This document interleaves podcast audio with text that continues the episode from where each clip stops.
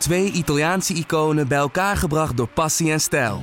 Peroni Nastro Azzurro 0.0 is de trotse nieuwe teampartner van Scuderia Ferrari. Doe mee met ons en de meest gepassioneerde fans op het circuit, de Tifosi. Samen volgen we het raceseizoen van 2024. Salute, Tifosi! Ja, mannen, ik heb de vorige podcast uh, helaas moeten missen. Ik luisterde hem terug en ik kreeg toch een beetje het idee dat ik jullie een beetje uit de put moet praten. Want het was wel een tikje negatief over Red Bull. Ja. Uh, onderbouwd, zeg ik er gelijk bij. Maar toen dacht ik ook, volgens mij kan Verstappen zomaar winnen in Japan. Het belang van Honda om het hier goed te doen is ontzettend groot. Echt ontzettend groot. richting de zomer ging het best wel goed eigenlijk met Red Bull en Honda. Uh, wellicht hebben ze intussen tijd, hè, ze zijn alles aan gelegen om het goed te doen in Japan. Misschien hebben ze iets ontdekt tussendoor uh, op technisch vlak wat, wat beter moet, wat anders moet. Die geluiden waren er wel een beetje te horen. Tel daarbij op dat Verstappen um, wel vaker heeft aangetoond te kunnen winnen als niemand het verwacht. En toen dacht ik, beetje positiviteit? Of is dit allemaal uh, erg gezocht, Joost Nederland? Nou, vooral punt 1 is denk ik uh, gezocht. Want uh, Honda kan wel willen... Was er al bang voor. Dat ze heel goed voor de dag komen. En ze hebben ook een motor gespaard natuurlijk. Maar ja, dat is niet zo dat ze daar een 31 pk extra bij gaan krijgen. Dus het zou mij verbazen. Patrick? Ja, ik heb er ook nog even goed over nagedacht. En ik zie toch ook wel weer Jij bent altijd positieve, ja, positieve ja. nee, ik, stem ik, voor jullie Ik geloof nog wel in een, in een verrassing. Ook zeker als het weer nog een beetje gek gaat doen. Ja, dat kan altijd. Ja. En ze hebben een nieuwe, een nieuwe brandstof die ze al twee tiende per, per ronde op zou, uh, op zou leveren. Op dus, zou leveren? Ja, ja het moet, uh, maar dat, maar dat kan echt een verschil maken. Hoor. Dus, dat maar daar wel... moeten we het zomaar over hebben. Ja. Ik, uh, mogen best een beetje Wie positief weet. zijn. Wie weet. Kijk, we mogen best een beetje positief zijn. Wat gaan we doen? Even, even disclaimer. Ik ben niet negatief, sorry. Maar het is wel zo dat, het, dat, dat daar verwachten mensen heel veel van. Van Honda gaat die motor... Ja, nee. Dat gaat niet gebeuren. Ze gaan niet alleen die motor 30, 40 pk extra geven. Want anders, waarom doen ze dat dan alleen nu? Dat zou ook een beetje gek zijn Ah, natuurlijk. Daar gaan we het zo direct uitgebreider over hebben. Yes. Je luistert naar de Bordradio.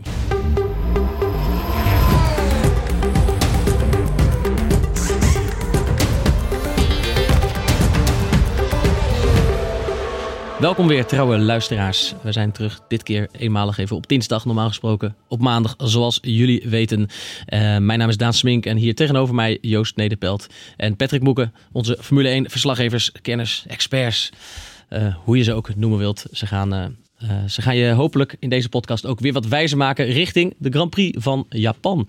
De thuisrace van Honda, een beetje, beetje thuisrace dus ook van Max Verstappen. Veel in het oranje gehulde Verstappen-fans, Japanse Verstappen-fans straks op uh, de tribune, begreep ik, Patrick. Traditiegetrouw daar. Ja, ja, de donderdag is daar vaak ook al gewoon uh, gekke huis en uitverkocht. Net zoals dat ze op zondag vaak blijven uh, zitten na de race om gewoon te kijken hoe de teams hun, hun pitbox aan het afbreken breken zijn. Ja, dat is fantastisch om te zien. Vooral die donderdag is fascinerend, hè? want dat gebeurt denk ik bij geen één Grand Prix, dat het op donderdag al nou, afverkocht is? Wel dat, dat, dat er veel van die pitwalks zijn en zo. Maar niet dat ze echt in zulke grote getalen al... Er zijn best zo, net zoveel mensen op de, op de donderdag als uh, in de rest van het weekend. Dus dat is toch wel uh, heel bijzonder. En zeker nu uh, met Verstappen. Ja, ze hebben, de Japanners hebben eindelijk weer iemand om voor, om voor te juichen. Honda wordt daar echt omarmd. Ik weet nog dat een van de laatste Japanners, de Commissato... die heeft er volgens mij ooit een keertje op het podium gestaan. Nou, dat waren geweldige tafereelen toen. en dat ja. gaan we nu weer krijgen. Zeker als Verstappen het goed doet. Ja, dan ga je gewoon echt een, een soort Japanse Verstappen-invasie krijgen, denk ik. Dan. Ja, dat is grappig, hè? Want ja. het, is, het is natuurlijk het is Red Bull. Het is niet een Japanse team, maar alleen al die Japanse motor, die natuurlijk een hele grote rol speelt binnen ja. dat team, die zorgt ervoor dat zij dat team enorm omarmen. Ja, zeker. Dat zag je ook al met uh, Fernando Alonso, die toen, uh, toen McLaren Honda, hè, die, die eigenlijk niet vooruit te branden was. Maar toen had je ook echt wel een Alonso-gekte in, uh, in Japan. Dat zal nu nog een stukje groter zijn, omdat, omdat nu hebben ze wel iemand die kan winnen natuurlijk. Dus ja, dat wordt, dat wordt heel bijzonder, denk ik. Ja, of zou Albon dan misschien daar, Azië, nog wat populairder zijn dan Verstappen? Nou, dat duurt nog wel even, denk ik. ik, uh, ik denk niet dat ze weten wie, uh, wie Alexander Albon uh, is. Nee, dat wordt een... Wel? Het was Kamui Kobayashi. Oh, Kobayashi. Ja, 2012. Staat oh, heeft er nooit op het podium gestaan. Ah, oké. Okay. Al dus de Wikipedia. Het, ja, nee, heel goed. Voor even opgezocht. Ah, ze hebben ja. wel gejuicht voor het uh, zaterdag. Zeg je nou dat jullie dit allebei niet uit je hoofd wisten? Dat is ja, wel. Ik dacht, ik dacht het was Kobayashi toch? Dus toen ben ik het even opgezocht. Ah, lijkt op elkaar. Factcheck in de boordradio. Live real-time factcheck. Heel goed. Um, maar uh, laten we het eerst ook nog eens eventjes hebben over wat er afgelopen week na de Grand Prix van Sochi gebeurde, waar het voor Verstappen weer tegenviel. Verstappen, we kennen hem, die zegt waar het op staat, die draait er niet omheen. Uh, en die was vrij kort af na afloop van uh, ja, dit was best wel ruk, het maximaal haalbare. En verwacht, zijn boodschap was eigenlijk verwachten maar niks meer van ja. dit seizoen. En toen, uh, maandag, zijn vader Jos Verstappen, uh, bij Ziggo, die ging er nog even dunnetjes uh, overheen. Waarbij ik de indruk kreeg, zijn dit misschien toch de inleidende beschietingen eh, tot contractonderhandelingen dan wel een vertrek? Want eh Jos Verstappen was erg stellig van eh, waarom zou het volgend jaar ineens wel goed gaan? Dit jaar hebben ze ook een jaar de kans gehad Ja. met, met auto en motor. En het valt maar tegen en tegen. Ja, ja. Toen dacht ik, ja, hij heeft er toch. ehm, eh, Jos Verstappen kan ook nogal uitgesproken zijn, maar hij heeft er toch ook eh, nog een nachtje langer over kunnen slapen dan Max direct na de race. Eh, ik dacht, is dit, is dit even frustratie, woede of is dit Nee. strategie? Ehm, jij denkt dat laatste, Patrick? Nou ja, ik denk dat hij gewoon meende wat hij zei. Dat, eh, ze, ze hadden oprecht verwacht dat ze dit jaar dichterbij zouden zitten. Hij had het zelfs over, eh, nou ja, als het zo doorgaat, hebben we volgend jaar weer een verloren jaar.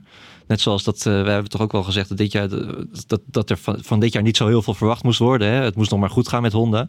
Nou, op Toch zich, proef je aan alles dat Max en Jos Verstappen meer hadden verwacht. ja, zeker. Ze hadden gewoon verwacht dat ze dichterbij eh, zaten zitten. En ook die inhaalslag, waar we het ook al vaker over gehad hebben, eh, die is gewoon uitgebleven. En ze hebben nu gewoon een behoorlijke achterstand op, op Mercedes en ook Ferrari dat een behoorlijke sprong gemaakt heeft. Is daar de Daar nog achter? te- ja, daar maken ze zich zorgen om. En, en terecht ook, ogenschijnlijk afgaande op de laatste races.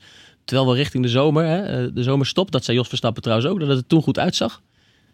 Wat is daar misgegaan? Nou ja, dat heeft ook te maken met de opmars van Ferrari, denk ik. Want eh, daar konden ze eerst redelijk mee, mee knokken met Ferrari. En die hadden natuurlijk een ja, toch wel tegenvallende eerste seizoenshelft. Eh Mercedes was nou ja, dominant. Ehm, maar Ferrari is nu Mercedes inmiddels voorbij. En dus ook Red Bull. Eh, en ja, dus daar, nu ben je gewoon de, de derde wiel aan de wagen eigenlijk eh, vooraan. En eh, ze kunnen Mercedes niet bedreigen. Dat konden ze in de eerste seizoenshelft eigenlijk natuurlijk ook al niet. Maar nu kunnen ze Ferrari ook niet meer bedreigen. Ja, dan krijg je races zoals Verstappen reed in, in Sochi. Gewoon, want ik denk dat als Verstappen vijfde was gefinished, dan komt er iemand binnen. ik denk dat als Verstappen vijfde was, eh, was gefinished, dan... eh, bizar. Oké. Eh, als hij als vijfde was gefinished, dan, dan zit ze weg. Dan, dan, of was gestart bedoel ik, dan was het niet anders geweest. Dan had ik denk ik ook gewoon vijfde geworden. Dus, en dan was natuurlijk Vettel was nu uitvallen. Maar ik bedoel meer om te zeggen, qua race pace en kwalificatie pace kunnen ze gewoon die jongens vooraan. Zeker op dat soort banen. En Suzuka is eigenlijk ook wel een klein beetje zo'n soort circuit natuurlijk, waar het ook heel veel op vermogen neerkomt. Ja, eh, hij zei zelf ook al natuurlijk van we willen geen eh, valse verwachtingen scheppen naar, eh, naar Japan toe. Ja, dus ik denk dat het, eh, dat het vooral dat is. Dus dat ze gewoon Ferrari niet meer bij konden houden. Die hebben een motor, ja, die is eh, magisch Ja. momenteel. Eh, Mercedes altijd sterk. Ja, dus dan ben je gewoon een derde team. En dan is dit het. Maar ik denk eigenlijk vooral dat die, die commentaren vooral slaan op 2021. Ja. Eh, dat, ze zich, dat wordt, denk ik, zoals we het nu bekijken, het belangrijkste jaar uit de carrière van Max Verstappen. 2020 heb ik het dan over. Zijn laatste jaar bij Red Bull. Precies, het Ja. jaar waarin de keuze moet Ja. worden gemaakt. Eh, Verstappen wil eh, jarenlang achtereen het liefst wereldkampioen Ja. worden. En ook die wil een auto dat hebben om te kunnen strijden. Dus cruciaal welke keuze die je maakt. dan Blijft doen? het Red Bull of is er een ander team waar je meer kans hebt op Ja. wereldtitels? Het belangrijkste jaar uit zijn loopbaan. Wat Dus hij terecht ook dat ze nu Ja. al Red Bull onder druk zetten om die auto te leveren. Ja, wat kun je laten zien als team? Hè, je moet Ja. je- het, is, het is natuurlijk aan de ene kant een heerlijke positie om, om je in te bevinden. Dat jij je team kan onder druk, eh, onder druk kan zetten en niet andersom. Dat het team jou onder druk zet. Van, Vraag Ja- Gasly. Ja, bijvoorbeeld. Dat is natuurlijk, dus dat is op zich een fijne positie om in te zitten. Maar ja, aan de andere kant eh, is het natuurlijk liever, heb je liever de situatie dat je team niet onder druk hoeft te zitten. En, Maar zeg, het levert volgens nog geen prijs op. Nee, daarom. En ja, die hele opleving, eh, zo in Oostenrijk en, en ehm, eh, nou ja, Duitsland was natuurlijk ook grotendeels door de omstandigheden. Laten we wel weten dat hij daar won. Maar Oostenrijk waren ze in ene gewoon heel snel. Maar dat was ook weer omdat Mercedes langzaam was. Weet je, er zijn allemaal van die. Het is, het is een heel genuanceerd verhaal eigenlijk. En mensen willen dingen altijd graag heel zwart-wit zien. Maar er zijn allerlei kleine factoren waardoor het toen beter ging. En waar het, waardoor het nu weer slechter gaat. Ja, eh, Maar kunnen die kleine factoren, jij zei eigenlijk net nee, maar kunnen die kleine factoren niet eh, allemaal net de komende race weer de goede kant opvallen? Nou ja, als ze gewoon in de, in, de, in de voorbereiding en dan vooral in de simulator de auto echt heel goed afgesteld hebben. Ze hebben een knijter van een afstelling en die motor die levert net even dat tandje extra. Zouden ze niet, hè? Want Verstappen heeft vanaf het begin van het seizoen natuurlijk vaak al gezegd: eh, we moeten die motor meer risico ermee nemen. Liever Ja. meer risico op een uitvalbeurt en dat ik eh, om de winst kan meedoen dan dat we op safe spelen. Ze zijn meer risico gaan nemen. Zouden ze hem niet bij wijze van spreken vol open schroeven voor, eh, Ja, maar voor Japan? ik vraag me af hoeveel verder Alles of niks? Oh, ja, Nou, het zou misschien wel langer, ze kunnen misschien wel langer dat motorstandje 11 eh, aanhouden. Ja, ik weet, dat- ik weet niet of de, hoe de details precies werken. Jouw punt is dat dat nog niet genoeg is dan. Nou ja, om Ferrari bij te houden zeker niet. Maar er is één kleine factor. Ik zat even te kijken naar de uitslag van vorig jaar. Ook de kwalificatie van vorig jaar. Maar Ferrari was vorig jaar in een groot deel van het seizoen eigenlijk... Wat, zeker de, dezelfde kracht als Mercedes. Qua, eh, nou, zeker in het midden van het seizoen. Nou, dat, dat vergooiden ze zelf natuurlijk een beetje hun kansen. Maar in Japan konden ze Mercedes helemaal niet bijhouden. Ferrari. Ja, dat zat dan natuurlijk die, die actie nog met, met Verstappen. Sowieso is eh, Japan voor Ferrari een van de moeizaamste circuits eh, van, de, van de laatste jaren. Ja, dus eh, wat dat Laatste betreft- Ferrari zegen, Joost, uit je hoofd, weet je die? In Japan? Nou, dat is al lang geleden, ja, denk ik. 2000, eh, dat is al in de Schumacher-tijdperk geweest zijn nog, denk ik. Ja, ja. Schumacher 2004. 2004, ja. 2004 Ja, ja, val. Ferrari zegen. Jeetje. Dus het is geen sterke baan, normaal Nee. gesproken voor Ferrari. Wat Nou, het voordeel spreekt van vooral Mercedes, oké. Ja. Maar Red Bull. Maar Red Bull is, is ook wel vaak wel sterk. Verstappen is vaak wel sterk in Japan. Ja. Dus eh, nee, het is nog niet, eh, het is niet dat mensen nu niet eh, tv hoeven gaan kijken omdat ze eh niets hoeven te verwachten. Het, het wordt een beetje de vraag. En kijk, eh, als we we gaan het zo meteen over de weersomstandigheden hebben, maar het ziet er niet eruit dat het een normaal Grand Prix weekend wordt met droog, eh, droge kwalificatie, Nou. droge race. Laten we die er Gewoon gelijk even in fietsen. Patrick, Want er jij, komt wat hebt aan. een, jij hebt een hotline met een, eh, Ja, een, een met- fan van de show die, eh, Ja. die live ongeveer dagelijks updates geeft en het weer bijhoudt voor ons. Want Ja. het, ziet, het ziet eruit nou, dat het, nou ja, het kan spektakel worden, maar het zag er ook even uit dat het helemaal niet doorgaat, eh, dat hele feest. Nee, nee, ik word al de hele week keurig op de hoogte gehouden door meneer Jan eh Leijen uit Meidrecht. Die eh, iedere dag eh, allerlei weerkaartjes doorstuurt. Het lijkt er nu op dat die, dat die tyfoon Hagibis, hè, zo heeft ook Zijn al het een, niet de weerkaarten die hij zelf photoshopt, hè, voor, voor alle duidelijkheid. Volgens mij niet. Volgens mij het ziet er allemaal best professioneel uit. Maar, de officiële weerkanalen zeggen hetzelfde. Dat heb ja, precies. Weerplaats heeft ook net weer een, nog een tweetje eruit gegooid. Het is nu dinsdag en ze verwachten nu dat, dat, dat die impact van die orkaan vooral zaterdag is. Met een windkracht 9 eh, bij ze zoeken. Nou, dat is gewoon echt wel pittig. Plus echt eh, een gigantische hoeveelheid eh, regen. Maar op windkracht 9 wordt er dan een kwalificatie Nee, gereden? nee, dat nee, nee, niet. nee, Onmogelijk. nee, nee. Nee. Dus, eh, maar zondag zou het dan wel weer beter worden. Eh, nog steeds al stevige wind, windkracht 5 à 6. Maar daar kan je wel, principe kan je daar denk ik wel En deze voorspelling die loopt al wat dagen. Hè? Ja. Eh, Tuurlijk, hè? het is het weer. En Het, kan veranderen, maar ja, het ziet er naar uit dat er op zijn minst veel regen Ja. eh, en onweer. En, dan waarschijnlijk zoals nu een ziet- stevige storm aankomt. Ja, en zoals nu lijkt, dat dan vooral zaterdag. En het goede nieuws zou dan wel weer zijn. eh, dat is ook al een paar keer gebeurd in Japan. eh, in 2010 voor de laatste keer. dat de kwalificatie dan opgeschoven wordt naar zondagochtend. En dan wel gewoon de race later op de, op de dag ook nog. Oké. Dus dat is een beetje het scenario waar we dan op moeten eh, Ja. hopen. Anders wordt het gewoon En zo'n organisatorisch heel slecht. scenario is de uitkomst van zo'n race ook heel moeilijk te voorspellen. Dan kan het vaak Zeker. alle kanten op. Zeker, want dan heb je geen. eh, eh, nou, die- je mist dan in ieder geval een derde vrije training die, eh, die niet doorgaat. Minder Eh, voorbereidingstijd. Al het rubber is van de baan af, waar Joost over, over vertelde. Dus dat is ook alweer anders. Ja. Eh, dit, dit is veel meer een factor die een rol gaat spelen dan die Honda-motor, die of wel of niet een paar pk'tjes extra's heeft. ja, dat denk Het ik. weer. Ja. Ja. Is er nog een scenario dat het eh, windstil is en dat er geen regendruk op valt? Nou, dat lijkt me wel heel sterk nu. Ik heb eh. alle kaartjes net even bekeken, maar het, eh het denk dat het gewoon een nat, Ja. kletsnat weekend Dus het ziet er goed uit. Ja, wat dat betreft wel. Ja. Voor, voor ons als liefhebbers van een Ja, beetje ja, chaos. ja, en, hopen eh, dat het niet, dat het niet nog, nog een, ook zondag nog doorzet. Anders dan wordt het wel heel lastig om nog... eh, Ik ben wel benieuwd wat ze dan gaan doen eigenlijk. Ik ja, denk jij dat zei in het- verleden dat ze wel eens de race dan naar maandag hebben uitgesteld. Nou, dat, dat, dat, weet- dat, dat weet ik niet, maar dat lijkt me de meest logische, logische optie. Ik weet wel, bij de NASCAR doen ze dat als het dan zondag Ja. regent, gaat naar de maandag. Hm. Eh, ze gaan het niet in ieder geval. Ik denk niet dat ze het helemaal. Ze, ze zullen het sowieso willen rijden. Eh, want dan, je kan hem niet rijden zonder een kwalificatie. Dus, dus hoe doen ze dat dan? Ja, dan zou je misschien de stand in het eh, wereldkampioenschap kunnen pakken. En dan andersom, voor de grap een keer. eh. Ja, dat willen ze volgend jaar doen. Voor de Maar er kwalificatierace. zijn toch regels voor? Ja, er zullen vast wel dat scenario. Ja, maar ik heb dat eigenlijk nooit meegemaakt dat het, eh, Nee. dat het eh, de, een dag verplaatst Wel dat de kwalificatie verschoven wordt naar Ja. de zondag. Ja, precies. Maar eh, nee, de- eh, Maleisië in 2009 was dat volgens mij. Toen was er ook een gigantische bui. Ja. na, eh, na 20 rondjes. Eh, toen is de race eh, gecanceld. En toen zijn er de helft van de eh, WK-punten zijn uitgedeeld. En toen won Jensen Button. Jensen Button in de Brawn. Ja. Maar, eh, eh, Maar het zou dus kunnen dat als het zaterdag nog heel slecht is en zondag beter, dat de kwalificatie en de race allebei op zondag zijn. ik denk Ja. dat dat het voornaamste, het Scenario. eh, voornaamste scenario is. Zeker. Wat ook wel weer lastig is, want eh, de, de, het- het is hier 7 uur s ochtends is de start van de race. Maar dan is het daar al eh eh, 5 uur s middags of zo geloof ik. En het wordt daar best vroeg donker. Dus ze hebben ook niet echt eh, eh, ruimte om de race nog uit te stellen. Dus ik hoop maar dat het, dat het zondagochtend in ieder geval eh, wat, wat beter is. Ja, anders dan wordt het wel... Ja, de, eh, de race is om eh 14 uur 10 lokale tijd. Dus, Oh. eh, dus in principe zou dat ochtends zo nog kunnen. nou, dat Ja. valt nog mee. Ja. Ja, ik denk dat Max Verstappen ook wel een beetje die weerkaartje aan het bestuderen is deze dagen. Ja, denk je niet? Want Ja. dit, is, eh, dit is wat hij nodig heeft. Ja. ja, die hoopt zeker op regen. Ja. Dat, eh, dat lijkt me duidelijk. Maar nog eens, de, de laatste regenrace in Japan, dat is ook nog een factor dat misschien wel gaat meespelen, was in eh, 2014. Ja. Met het fatale ongeval van eh, Jules Bianchi. Eh, dat was echt een hele ongelukkige samenloop van, eh, van omstandigheden, hoe dat, eh, hoe dat gebeurde. Maar ik denk dat het wel, wel mee gaat spelen dat, dat ze daar in Japan gewoon echt, echt geen risico gaan nemen als het ook maar even gevaarlijk wordt of zo, dan gaan ze die auto's gewoon aan de kant houden. Want dat, dat, dat is natuurlijk een horrorscenario om nog zoiets. Ja. eh, Kommel is een heel eh, vreemd weekend worden. Ja, Ja. ja. tegelijkertijd heb ik ook geen zin in een hele race achter de safety car naar safety car, toch? nee, maar als het maar zo hard regent, kan je ook niet achter de safety car rijden. Nee, daar zijn ze ook wel een beetje vanaf hoor. Dat gaan ze niet zomaar meer doen. Ik denk, daar is zoveel kritiek op gekomen. En eh, je hebt natuurlijk nu toch ook het systeem dat ze dan een paar rondjes rijden en dat ze dan gewoon een staande start hebben. Ja. Eh, wat al beter is.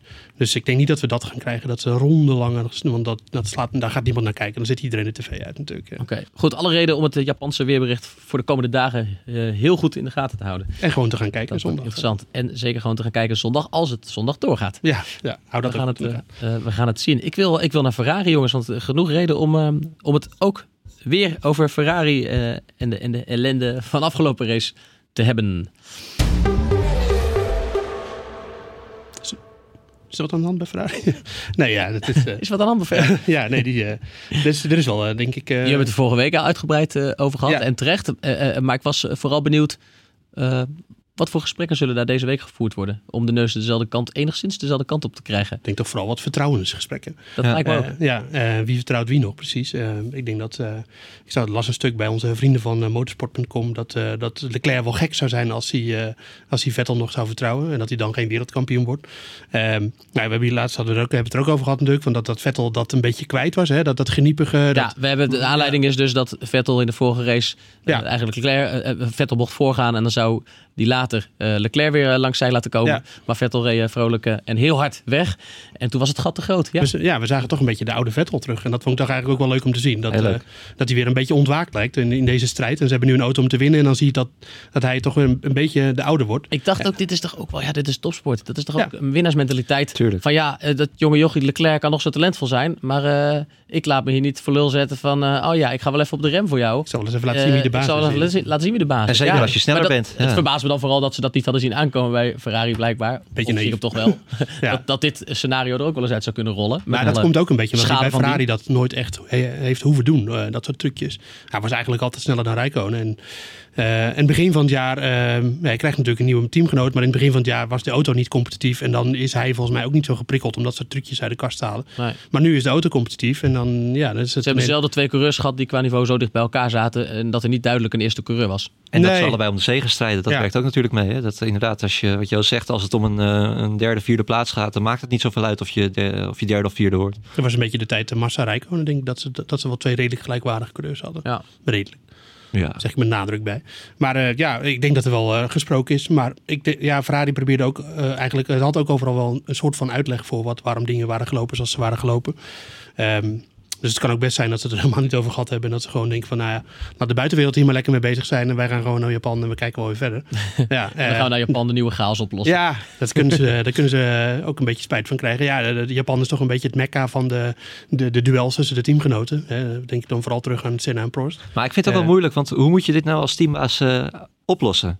Eh zet je ze dan met z'n tweeën aan tafel en zeg je, jongens, eh, hou, je aan de afspraak. Hè? Dus Een race is ook zo moeilijk om, om Tuurlijk. uit te stippelen wat dat betreft. Ja, maar het probleem is natuurlijk gewoon dat, dat bij zo'n team iedereen in het teambelang denkt, behalve die twee coureurs. Ja, precies. Ja. Dus het- je kan ook wel doen. afspraken maken. Die en hebben die hebben het stuur in handen. eh, Ja, En, en Leclerc zei ook in de aanloop naar, naar Sochi van... nou, ik ga me niet meer eh, zo laten horen over de boordradio. Heb. Ik uh, kwam niet goed over. Nou, in Sochi doet hij precies hetzelfde. Eh, ja, het is ook gewoon moeilijk om, om dat soort dingen vooraf te bespreken, denk ik. Ja. Ik, ik- het lijkt mij heel moeilijk als jij Mattia Binotto bent... wat je dan moet doen. En ook, ja... eh, aan Ja, want ze gaan toch, eh, ik bedoel, ja, teamorders die zullen er altijd blijven. Zeker bij Ferrari. Ik, ja, en ik snap ook wel dat ze zo'n plan hebben opgesteld van nou, ik geef jou een toe. Hè, maar dat- zelfs dat is gewoon heel moeilijk om vooraf, vooraf te, te bepalen. Ja, maar laten we ook even teruggaan naar wat het nu eigenlijk gekost heeft, dit. En dan is het eigenlijk alleen die... Dat Vettel niet op de eerste... sorry hoor. dat Vettel niet op de eerste startrij stond in Singapore. Of eh, in eh, Monza. Dat was de enige, de enige wat het echt gekost heeft. Want in Singapore was er gelul. Maar nou ja, dat kostte Ja, ze uiteindelijk niks. En in Rusland maakt het, eh, maakt het achteraf niks uit voor Nee, het maakt het niks uit. Dus in principe Nee. is het ook een klein beetje een luxe probleem natuurlijk. En eh, je hebt gewoon twee hele Ja, snelle coureurs. nog ja, wel. Ja, daar mag je blij mee zijn toch? Eh, ja, dus Zo is dat ook. Ik ben Ja. dan wel gelijk benieuwd met de blik op de toekomst of Ferrari dat wenselijk acht om dit luxe probleem in stand te houden eh, vanaf 2021 als de contracten aflopen. Of dat ze dan weer echt duidelijk voor een tweede coureur achter waarschijnlijk Leclerc Nou ja, kiezen.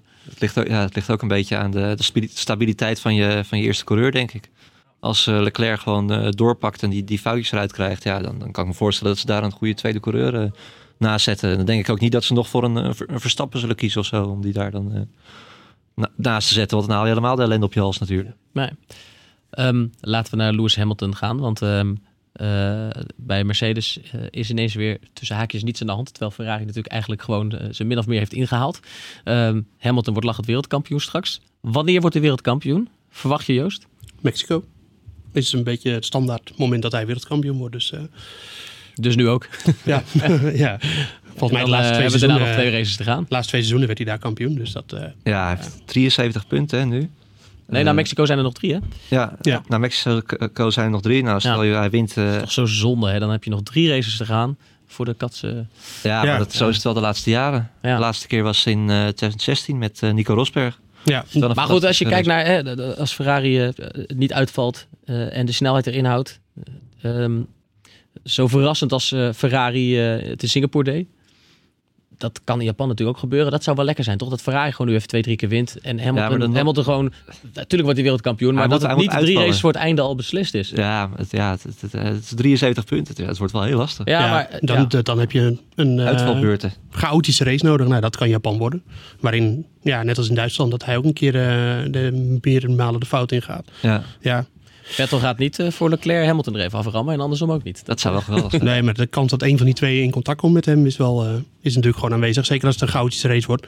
Ehm, Ferrari heeft denk ik toch echt wel de pijlen volop gericht op, eh, op Mercedes. Ik weet eigenlijk uit mijn hoofd niet hoe het zit met de stand in de, de constructeurskampioenschap. Maar daar hadden ze, nou daar hebben ze ook hele ruime achterstand. Dus ja, dat gaat hem Ja. ook niet meer worden. Nee, ja, We moeten gewoon Dan- niet meer naar die stand kijken eigenlijk. Nee, Ja, lekker die race de- de eh, maar even voor de volledigheid. Mensen vragen zich dat nu af nu je dit aanstipt, eh, Joost. Eh, Mercedes, constructeurs 571 punten. Ferrari 409. Red Bull 311. Eh, die gaan daar ook niet meer in de buurt komen daar van de eerste twee, Red Bull. Nee. Ehm, en eh, dan pak ik hem voor de volledigheid er ook even wat betreft de coureurs bij. Hamilton 322 punten. Bottas, teamgenoot daarachter, 249. Leclerc 215. Die is Verstappen voorbij. Hè? Eh, eh, nu eh, nipt 212 punten voor Verstappen. Ja. En Vettel zit weer achter Verstappen, 194. Ja, als het zo doorgaat en Ferrari en Vettel blijven het zo sterk doen, dan, dan gaat waarschijnlijk Vettel Verstappen ook nog wel voorbij. Denk je niet? Het zal Verstappen worst zijn, hè? dat hebben we al eerder gezien. Ja, of hij nou we, eh, tweede, derde, vijfde of achtste wordt. eh, Hij wil alleen maar winnen en de rest interesseert hem niet. ja. Maar toch, het is wel een beetje pijnlijk als, als die toch weer verder wegzakt onder de Ferraris daar. Ja, aan de andere kant, het begin van het seizoen had Ferrari ook al de snellere auto dan, eh, dan Red Bull. Toen leefde Verstappen ook al boven stand. Ook omdat het tactisch niet helemaal goed ging vaak in de race bij, eh, bij Ferrari. Dus misschien was die derde plaats dan ook al een beetje eh, vertekend. Aan de andere kant, Mhm. ja, het, hij zou, het Verstappen zou het op basis van dit seizoen wel absoluut verdienen om bij de beste drie in het kampioenschap te eindigen. Als je puur kijkt naar zijn prestaties, Ja, dan hoort zeker. hij natuurlijk bij de beste drie. Absoluut, ja. Bij de beste twee. Uiteindelijk wel, ja. ja. had alleen de auto. Hij is beter dan zijn auto, hè, dat is het probleem. Ja. Wat, wat misschien nog wel een dingetje zou kunnen worden dit weekend, is dat als eh, eh, Mercedes eh, voor Hamilton puur nog bezig is met, met het binnenhalen van die, van die titel, dat hij denkt van nou ja, misschien is het helemaal niet erg als hij aan het vechten is met, met Verstappen in die situatie van om maar wat minder risico te nemen en Verstappen te laten gaan. Terwijl Verstappen natuurlijk de dolgraag wil, wil winnen. Ja. Eh, ik denk niet dat Hamilton ten koste van alles Verstappen wil achter zich achter Nee, zich Hamilton houden. is wel zo verstandig en ervaren dat hij Dus dat zou iets misschien sneller op safe Ja. speelt eh, waarschijnlijk. Ja, precies. Dus dat zou misschien ook nog wel in het voordeel van, eh, Ja. van Verstappen kunnen zijn. Als die auto er maar bij kan, eh, kan zitten. Ja, ja Mercedes eh, heeft al wat updates mee naar, eh, naar Japan. Dus dat Toto Wolff eh, al verteld. Dus eh, ja, wel benieuwd. Minor updates. Ja. Minor updates, ja. Maar ik geloof eigenlijk nooit wat Toto Wolff zegt. Dus hier weet ik het ook niet helemaal van. Eh, maar eh, ja, dus dat zou een reden. Maar ja, ik, dat, dat, dat, blijf ik zeggen. Ik denk dat het geen normaal weekend wordt. Dus dan ga je ook niet zien wat, hoe die updates werken. Dus dat, dat gaan we dan later in het seizoen nog wel zien. Ja, Ja, maar jullie blijven erbij dat Hamilton normaal gesproken in Mexico normaal gesproken. Maar laten we hopen dat het niet normaal gesproken Ja. eh, verloopt allemaal. Ik vond de woorden van, van Helmut Marco, eh, als we even naar, naar Red Bull eh, gaan. En, hè, want je vraagt je af, dan is Hamilton wereldkampioen Verstappen, kan het dan een poosje niet meer worden. Eh, volgend seizoen moet het gebeuren. Dat, hè, dat, daar heeft Red Bull alle belang bij om Verstappen binnenboord te, te houden. Dus ze moeten bij hem vertrouwen wekken richting volgend seizoen. Helmut Marco zei ook dat de data voor volgend seizoen, makkelijk gezegd natuurlijk, maar dat de data voor volgend seizoen er heel goed uitzien.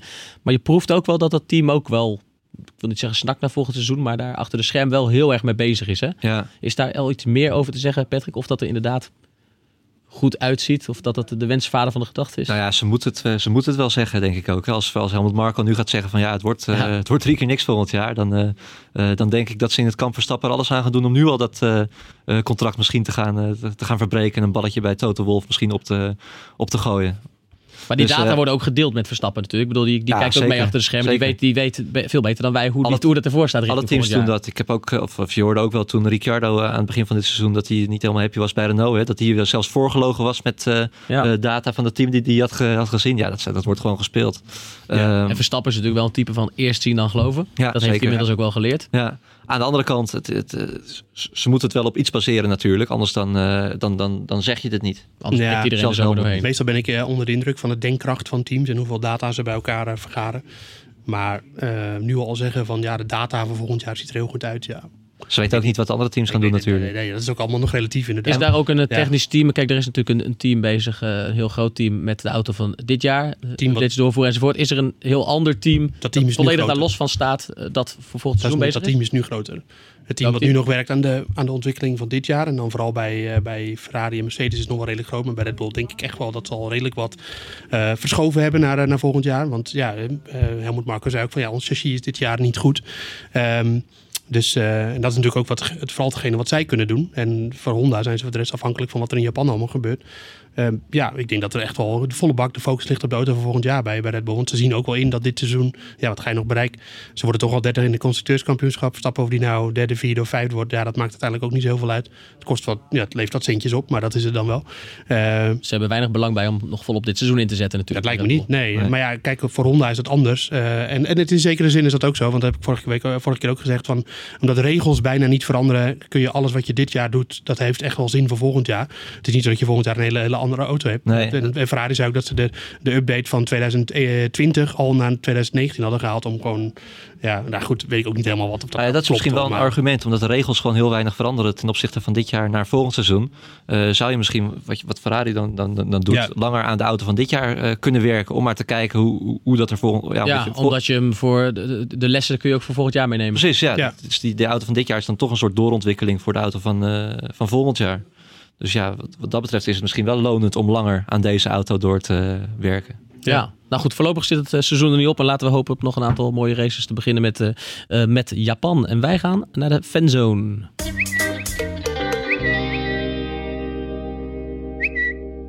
Ja, de vragen van onze trouwe luisteraars. We hebben er weer een aantal binnengekomen, eh binnen zien komen.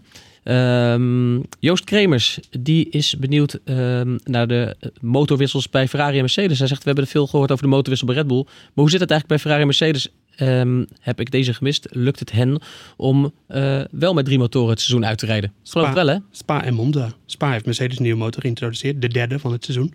En een Monza Ferrari. Dus ja, of het gaat lukken, dat is nog niet bekend. Maar in principe... Ze liggen wel op schema. Ze liggen op schema. Het ziet er een stuk beter uit bij hun dan bij ja, Red vooral bij Mercedes lukt dat eigenlijk altijd wel. Tenzij er dan bijvoorbeeld een coureur in de kwalificatie eh, crasht of zo. Of tenminste, eh, dat er iets misgaat in de kwalificatie. Dan, dan, dan willen ze nog wel eens een extra motor in de pool zetten. Ja, natuurlijk. Dan start je toch al achteraan. Maar eh, normaal gesproken gaan ze dat gewoon met drie motoren redden. Ja. Dit betekent simpelweg dat ze op dat vlak gewoon hun zaakjes beter voor elkaar hebben. Nou, dat is net hoe je bekijkt. Kijk, eh, ze zijn natuurlijk, Red Bull is ook, of Honda is natuurlijk ook met, de- met de inhaalslag bezig. Dus dat die wat vaker dingen willen introduceren ten koste van een gridstraf. Nou ja, we hebben het er net al over. Dat dit seizoen telt eigenlijk niet meer. Dus wat dat betreft kun je net zo goed eh, zoveel mogelijk proberen te, te updaten. En eh, dingen in de praktijk te testen. Want dat is toch altijd nog weer even anders dan, dan in de theorie. Eh, dus ja, Mercedes en Ferrari liggen op koers. en ja, maar die zijn ook in strijd om, om titels en overwinningen. Ferrari iets minder natuurlijk, maar... ja, voor Red Bull is het toch minder relevant om. ze kunnen zo'n gridstraf zoals in Sochi of in Monza kunnen ze gewoon met oog op een WK kunnen ze dat veel makkelijker pakken. Wat je eigenlijk wel ziet is dat eh, Honda is in 2014 volgens mij juist in de Formule 1 gekomen. Hè? Eh, dat ze sindsdien In wel... 2015. 2015. Ja. Maar dat, eh, en volgens mij in 2014 gingen alle regels eh, op de schop Ja. met, die, met die nieuwe hybride mo- motoren. Sindsdien hebben ze eigenlijk, zijn ze eigenlijk alleen maar bezig geweest met een inhaalslag. Waar ze nog steeds mee, eh, mee bezig zijn. Ja, terwijl ze eigenlijk maar één jaar later instapten. Maar, Ja, maar moet ja. je nagaan. Wat, ja, wat, Moet je nagaan hoe moeilijk dat is of moet je nagaan wat de pruts is? Nou, Nee, dat- ja, die kun je op twee manieren bekijken. Kijk, als Ik ik, bedoel, eh, als je het eh, Alonso ik- vraagt. als ik alleen kijk naar eh, de stap die Ferrari... Ferrari begon echt ver achter Mercedes in 2014. En ze- die zijn ze nu voorbij. En Honda eh, begon in is waar. 2015 Dat heeft even geduurd ook, Ja. wil je zeggen. Ja, maar ja, kijk, als ik kijk naar hoe Honda het relatief doet ten, ten opzichte van Renault, dan denk ik, nou, dat valt allemaal heel erg mee. Ja. Maar eigenlijk de grote winnaar van de turbo-tijdperk sinds 2014 was altijd Mercedes, maar is eigenlijk Ferrari. Want die hebben de, de, de, de hoogst stijgende lijn, de meest stijgende lijn ingezet in de afgelopen vijf jaar. Dat belooft wat voor volgend jaar voor Ferrari. Ja, Maar dat dachten we dit jaar ook. Tenzij de, alle geruchten dat ze vals spelen waar zijn. Maar ik vind dat wel opvallend en ook een beetje gek. Dat, eh, dat Mercedes verreweg de beste mot- motor had van het veld. Dan zei nooit iemand, hey, Mercedes speelt vals. En nu heeft Ferrari de beste motor van het veld. En nu wordt er door iedereen gefluisterd en het spelen vals. Maar we kunnen het niet Wie is, bewijzen. wie is iedereen in deze? Nou, zelfs, eh, ik vroeg dat aan Verstappen in Singapore. Die zei ook van ja, we kunnen het niet bewijzen. Maar wij hinten er wel op dat daarover gesproken wordt. En er wordt zoveel over gezegd. Dat, eh, Komt het ook door simpelweg het verschil tussen vrijtraining vrijdag en de kwalificatie zaterdag nee, dat heeft meer te maken met, met dat Ferrari, eh, dat de, de winst bij Ferrari ligt vooral in het elektronisch systeem. Eh, en en dat, dat doet vermoeden dat er misschien software draait die niet zou mogen draaien. Laten we zo zeggen. Of dat er een manier van bijladen van de accu's, pakketten komt, bij komt kijken die eigenlijk niet zou mogen. Want dat, het wordt, grootste, dat wordt gecheckt, dat- maar ja, de VIA zegt maar- niks aan dan. Nee. Ja, en eh, zolang je aan de. Kijk, eh, eh, het is altijd zo dat de oude wet van Tom Coronel. Je auto, auto hoeft alleen bij de keuring aan de regels te voldoen. En daarna maakt het niet meer uit. Dus, ja, ja.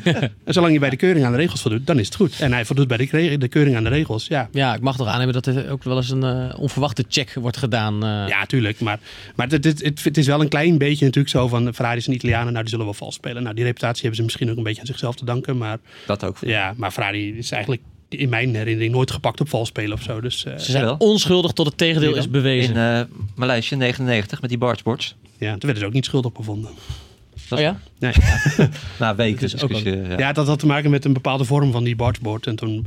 Dit moet u even toelichten. Ja, Eh, oké. Zeker voor mij, maar ik denk voor Sorry, Dat is de een heel mooi verhaal. Heel mooi verhaal. Maar eh, ik, komt ie. Eh 99 was, is een van de beste Formule 1 seizoenen ooit, Patrick. Hè? Ja, Want eh, dat was het seizoen dat Michael Schumacher in Groot-Brittannië zijn been brak. Eh, Oh ja, fantastisch. Ja. Ehm, dat was op zichzelf natuurlijk niet fantastisch, maar Nee. dat droeg wel bij aan een heel erg chaotisch, eh, afwijkend seizoen. Eh, en toen eh, kwam Mika Salo in de auto, Ja. die reed een paar races, ging soms wat beter, soms wat minder. En Ferrari had eigenlijk de, de snelste auto dat Ja. jaar. Alleen ze hadden Eddie Irvine als tweede coureur. En Eddie Irvine die was heel goed in van alles. Vooral eh, feesten en, eh, en doen. maar niet zo goed in, eh, in Nou, hij autorijden. won wel een paar races. eh. Jawel, maar hij, hij, hij moest opeens wereldkampioen worden. Ja, dat was heel raar. Hij was Ja. gewoon een beetje de, de, de, de tweede coureur. Die Ja. er gewoon een beetje bij reed. En die moest haalde af, kwam toen op zijn schouder. haalde af en toe een beetje een grapje uit. Gooide water over hakje heen. Weet ik Ja. nog. Dat soort dingen allemaal gewoon eh geheimponen. En Schumacher deed de serieuze zaken. En toen werd het, ja, kwam al het gewicht op hem ineen. En toen wonnen ze in Hockenheim. Prachtige race. Eh, ze wonnen in Oostenrijk. Wonnen ze uit mijn hoofd. Eh, Japan ging het toen wat minder, geloof ik. Of nee, dat Japan was daarna natuurlijk. Eh, nou ja, in is, ieder is een zijstraatje. ja, ja, sorry. Hoe, hoe dan ook, Schumacher kwam terug in Maleisië toen, in Ja. de auto. En die reed toen, hield toen het hele, de hele race een beetje, hield die Hakkinen op. Want Hakkinen was de grote concurrent. Hij was wel gewoon super snel hoor, Schumacher. Hij kwam terug in die auto en toen zag je ineens wat die auto allemaal kon. Want hij was volgens mij in de kwalificatie seconden sneller dan de rest, als ik het me goed herinner. Alleen toen, mm, ja, Irvine won de race en Hakkinen werd derde achter Schumacher. En toen kwam ineens, hey, er is iets met de bargeboards. Dat zijn die luchtgeleiders aan de zijkant van de cockpit. Eh, en toen was er een groot protest. En nou ja, volgens mij was het toen eigenlijk gewoon dat ze achter de groentafel hebben gezegd van ja, eh, ze- hebben wel gelijk de klagers, maar laten we niet nu die zege af gaan nemen. Ja, het was, eh, je zag toen ook... Omdat het een grote imagoschade was. ja, dat was gewoon niet. Ja, dat, en de- daar is ook een beetje dat eh, Ferrari International Assistance, eh, via Ferrari International Assistance, geintje altijd vandaan gekomen. er zijn mooie beelden Omdat op, ze toen enorm gematst werden. op, Ja. op YouTube. Dat teambaas Ross Brawn staat nog met een lineaaltje die, die bargeboard zo op te meten. Ja. Echt wel heel... Ja, het ging om een bepaalde vorm. En eh, als, je, als je van boven keek, dan mocht je bepaalde flappen niet zien of zo. Het- Ik kan het niet helemaal in detail Het uitleggen. werd een beetje een regeltjesneukerij natuurlijk, maar iedereen wist dat ze daar een trucje hadden uitgehaald, Ferrari. Dat is het. Nou, het was niet zozeer een trucje, maar ze voldeden gewoon niet aan de regels. Ja, Hmm. dat was het. En, En dat eh, wisten ze zelf ze daar nou heel veel winst uit haalden, niet. Maar ja, regels zijn regels. Dus, maar dat eh, ging heel lang door toen nog. Ja, dat is eh, een groot gevecht geweest. Ja. Maar goed, terugkomend op. Ja, dus het- ik vind het wel opmerkelijk dat, dat er nu wordt over Ferrari gefluisterd dat ze vals spelen. Terwijl ja, dat Mercedes het, eh, echt meer, gewoon 40, 50 pk meer dan de rest had. Dan hoorde je daar nooit iemand over. Nee, Elk dat- team dat eh, de kans krijgt, zoekt natuurlijk op zijn minst het grijze gebied op, ben ik bang. Ja, weet ik. maar Inherent het- aan de is- sport en aan de nee, mens. klopt. Maar het is meer de media die daar nu ook... eh, die vinden het altijd lekker om te impliceren dat Ferrari misschien wel vals speelt. Terwijl, ja, daar is nul bewijs voor. Dus ja. Helder. Dan, houden we, dan houden we er ook over op. Ehm, ik heb een hele verrassende vraag, vond ik zelf wel. eh, maar het, toch ook wel interessant. Van ehm, eh, Job. Die zegt: eh, Ik heb al eigenlijk een hele lange tijd een vraag die ik maar niet opgelost krijg. Dus hij vraagt er natuurlijk onze hulp in. Ehm, eh, mochten de Red Bulls op plek 5 en 6 rijden in de vrije ruimte en niet in staat zijn om op eigen kracht naar voren te rijden, zouden ze dan kunnen samenwerken door afwisselend per rondje in de DRS-zone kop over kop te rijden. Net als bij het wielrennen, zegt hij, zodat in elke ronde de DRS benut kan worden. Ik vind het ingenieuze vondst. Ik ben bang dat jullie gaan zeggen, eh, kan niet. Ja, Of- ik, of ik het heb wel deze vraag eh, op Twitter al aan hem beantwoord. Maar dat, dat wil ik graag nog een keertje doen. Nou, doe eens. Ja, nee, het, ik heb het niet gezien. Ik denk dat het op bepaalde circuits kan helpen. maar dat zijn dan denk ik alleen Monza. Eh, waar Hij zegt dat het een halve seconde per ronde zou kunnen opleveren. Ja, maar dan reken je alleen vanuit, denk ik, vanuit dat, dat eh, DRS je een halve seconde per ronde oplevert. En niet vanuit dat je ook moet sturen. En, Nee. nou ja, ik denk dat het meer heeft te maken met dat je dan eh, elkaar ook steeds een beetje in de weg rijdt. Dus of je dat, dat die winst. ehm, laat ik zo zeggen, als het al ergens werkt, dan is het op Bonza. Maar zelfs op Bonza vraag ik me af of het wel werkt. Omdat je gewoon dan ook, je, ja, je bent natuurlijk nog niet steeds, de, de, de voorste is niet steeds Mhm. De snelst, nee, moet ik dit goed uitleggen? Eh, je bent natuurlijk met twee auto's, dus je, die moeten elkaar steeds afwisselen. Dus je moet ook steeds die auto weer inhalen en weer inhalen. Dat kan dan Ja. wel in het DRS-gebied. Nee, dat bedoel ik. Je Ja. maakt ook meer meters, want je moet sturen meer. Nee, nee, nee, dat heeft niet, nee, niet je- ervan uitgaan dat je elkaar dan inhaalt op het rechte stuk.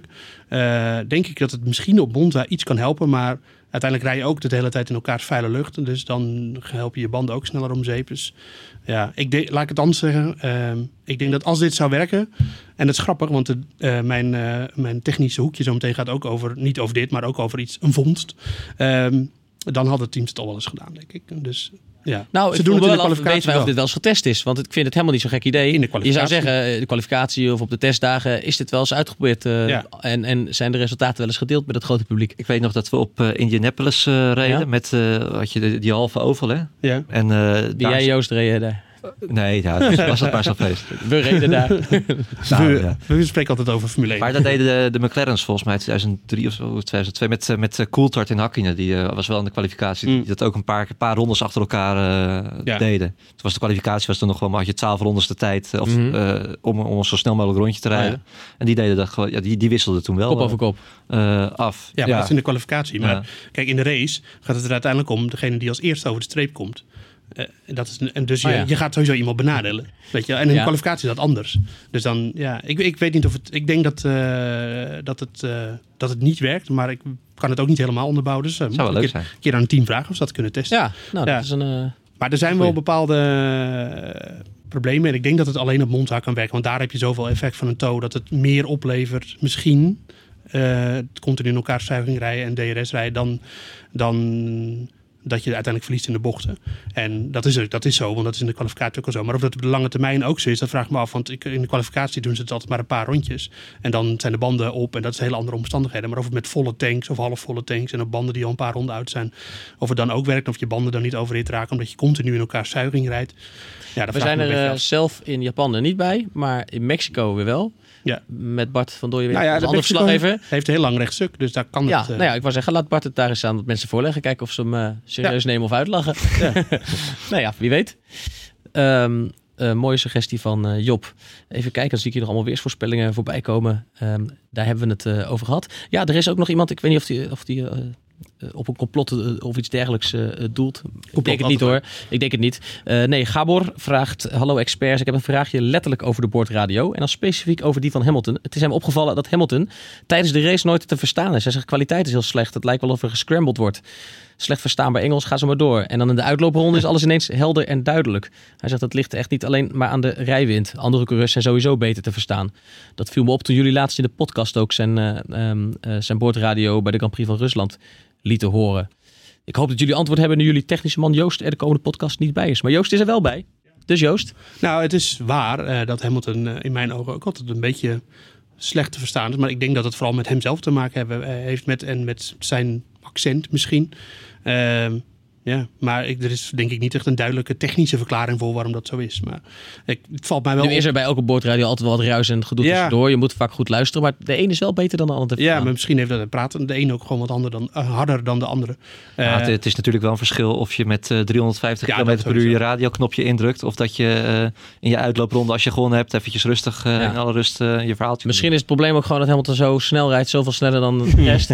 dus is hij het slechtste verstaan. Nou ja, Ik denk dat we Grosjean uitstekend kunnen verstaan. Het valt me wel op dat, eh, dat de, Dat eh, Olaf Mol, als, die, als ik bij Ziggo kijk, dan die verstaat Hamilton ook vrijwel nooit. Die, maar dan versta ik hem, denk ik, meestal wel. Maar dat, ja, het is misschien voor de een wat makkelijker dat accent te, te ontvangen dan de ander. Ik weet het ook niet.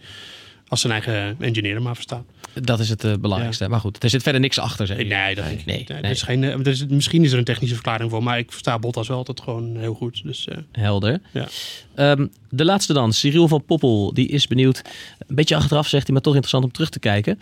Uh, want die kijkt even terug naar 2017, 2018. hij zegt met de kennis van nu en Leclerc, die auto, had Ferrari niet gewoon de beste auto in 2017 en 18. En toen de wereldtitel moeten winnen. Nu blijkt dat Vettel misschien toen al wel 0,3, 0,4 seconden tekort kwam gezien zijn huidige prestaties ten opzichte van Leclerc. Oftewel heeft Ferrari zich niet in de vingers gesneden door op safe te spelen met ervaren coureurs als Kimi, Raikkonen en Vettel. Die wellicht al niet meer de snelste op de baan eh, waren. Eh, en laat Leclerc nu zien dat Ferrari misschien een paar jaar eerder had moeten ingrijpen. Patrick. Ja, vind ik moeilijk denk het eigenlijk niet. Het is, uh, wat je ook in de, er is ook wel een verschil of in, in hoeverre Leclerc sneller is dan Vettel. Hij is vaak wel in de kwalificatie eh, sneller dan Vettel.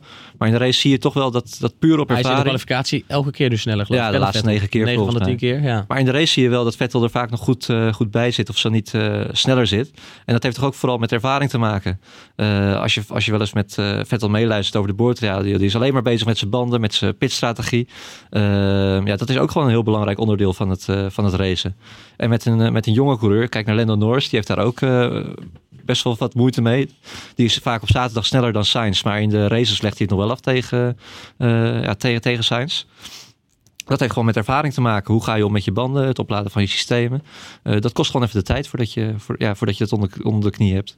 Dus ik denk dat het nu ook te makkelijk is om te zeggen van ja. Leclerc was er natuurlijk ook niet twee jaar, twee jaar geleden al aan toe. Nee, nee. zeker niet. Zeker. Nee, maar en ik denk sowieso ook niet dat Ferrari uh, die twee seizoenen de snelste auto had ze hadden soms de snelste auto op bepaalde circuits. Vorig jaar hadden ze uiteindelijk, als je op de auto afging, hadden ze wel. Hadden ze, um, ja. Als Vettel het maximale uit die auto had gehaald, die heeft het te vaak zelf laten liggen, dan was hij wereldkampioen. Ja, maar dat ligt, niet alleen, dat ligt niet alleen aan de coureurs, het ligt ook aan allerlei operationele, strategische missers.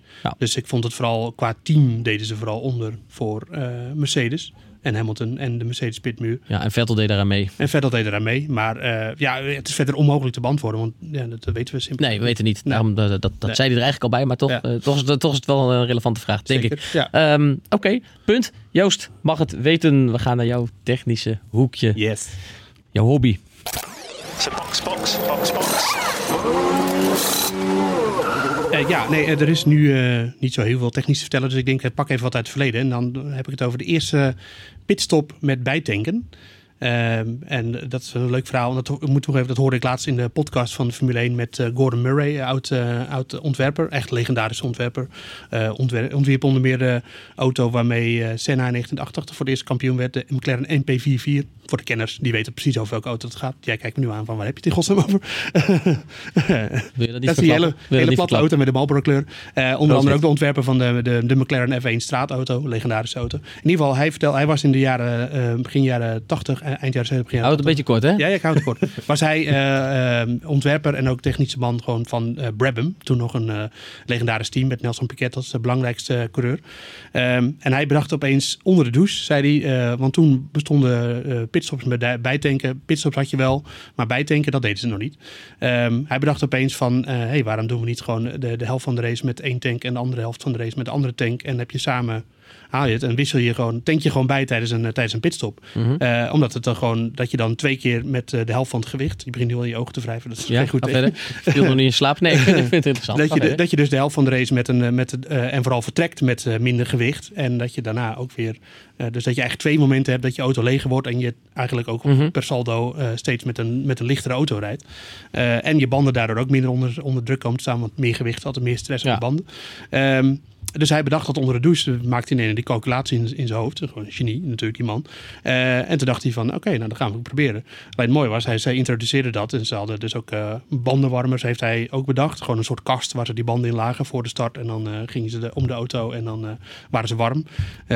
Echt een man die allerlei vondst heeft gedaan. Dus echt, die podcast, die, zegt, die twitter ik zo nog wel even. is echt leuk om terug te luisteren. Zit je nou mensen weg te jagen uit onze podcast omdat er een beter is? Gewoon. Is dat wat je zegt? Nee, dat is, dat is niet, je kunt altijd je kennis breed. Anyway, eh, terug naar, eh, naar de, Dus eh, ze introduceerden dat, dat ze de auto binnen te, vol tankten en na doorgingen. Maar ja, ze hadden in 1982, waar ik nu over praat, niet zo'n hele betrouwbare auto. Dus ze haalden vaak de finish niet. Dus konden ze andere teams ook niet zo goed zien wat nou het resultaat was.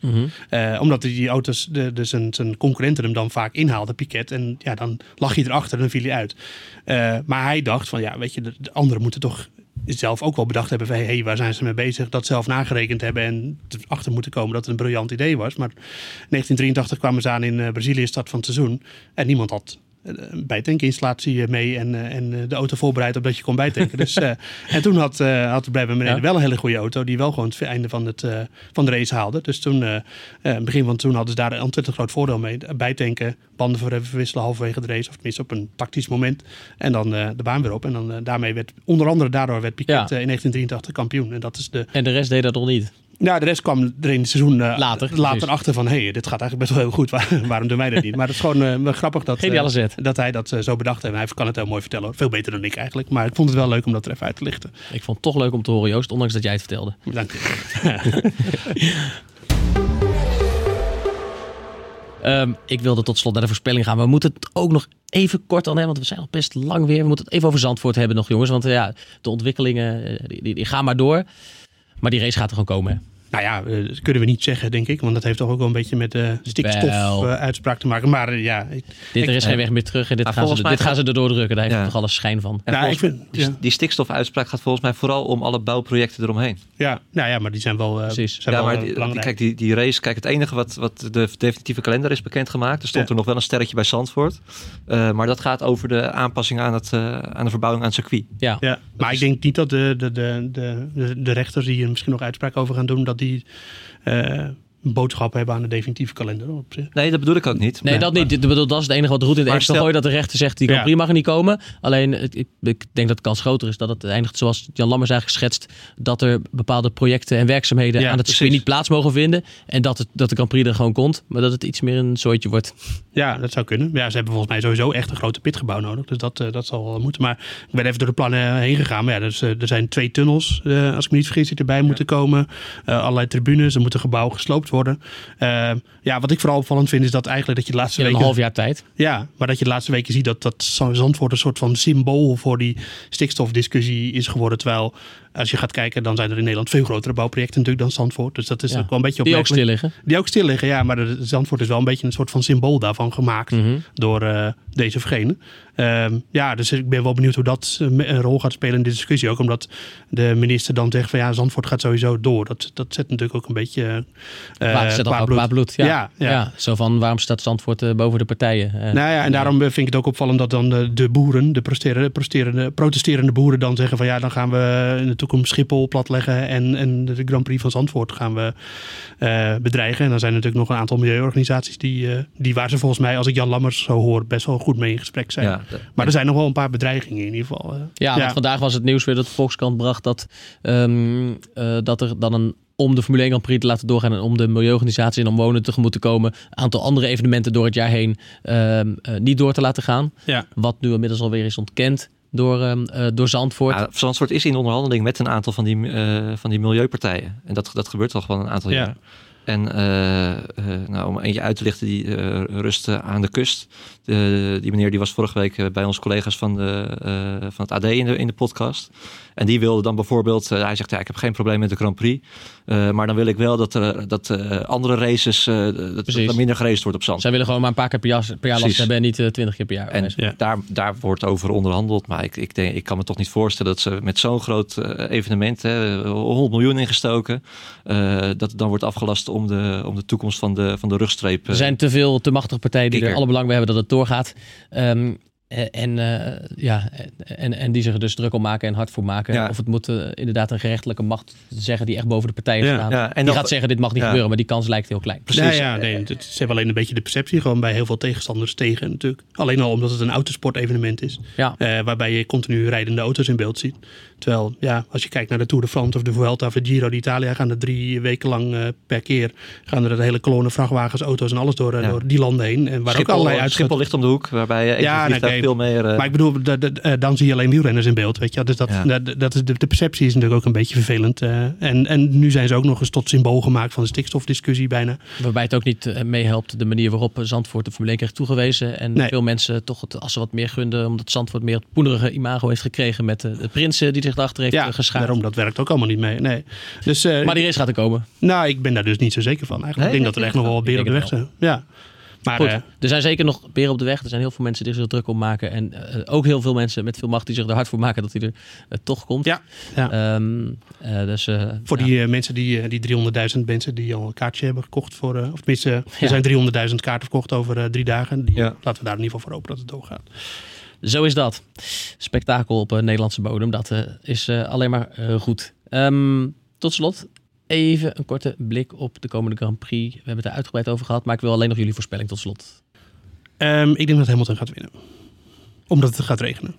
En daar is hij sterk in. En Verstappen wordt... Die gaat met Hamilton de strijd aan als het regent. Als het droog blijft, wint Ferrari. Maar als het regent, dan, dan wint Hamilton met... En dan wordt Verstappen Ferrari tweede. dat toch? Ja. de Ja. eerste Ferrari zegen sinds... eh, De eerste Ja, Ferrari ze zijn, zegen nu, sinds... ze zijn nu echt wel sterk. Ze hadden in Rusland natuurlijk ook gewoon gewonnen als die Ja. eh, Check. Maar goed, car. eerste Ferrari zegen eh, sinds, 2000. Schumacher als het droog blijft. Ja. Patrick? Eh, ja, ik, eh, een beetje saai, maar ik denk toch ook Hamilton. Maar ik geloof toch ook wel in de... In, eh, ik denk dat Verstappen sowieso... Dat, dat Red Bull... Ik geloof, er gaat iets, er gaat iets gebeuren nog in die motor of zo. Toch een klein foefje. Dat, eh, Lachgasinjectie. zoiets, ja. ja dat, het toch... eh, het zou heel goed voor de Formule 1 zijn ook als Red Bull of als Honda daar wint. Ja, dat sowieso. Kijk, daarom sluit ik altijd af met jou, Patrick. Een positieve noot. Ja, Die Superprime hier. Die, Dank jullie wel, jongens. Joost Nederpelt, Patrick Moeken, onze Formule 1 verslaggevers. Mijn naam is Daan Smink. Bedankt voor het luisteren weer. Volgende week zijn we er weer. Verder is natuurlijk eh, het hele Grand Prix weekend eh, via onze live vlogs en de verslaggeving vanaf hier ehm, op nu.nl te volgen. Download ook de Nu Sport app als je echt eh, live op de hoogte wil zijn van alles wat daar gebeurt. Bedankt voor nu. Je kunt je natuurlijk ook nog abonneren op de Boordradio via iTunes of je eigen favoriete podcast app, mocht je dat niet al lang gedaan hebben. Bedankt. Dag. hoi hoi. doei.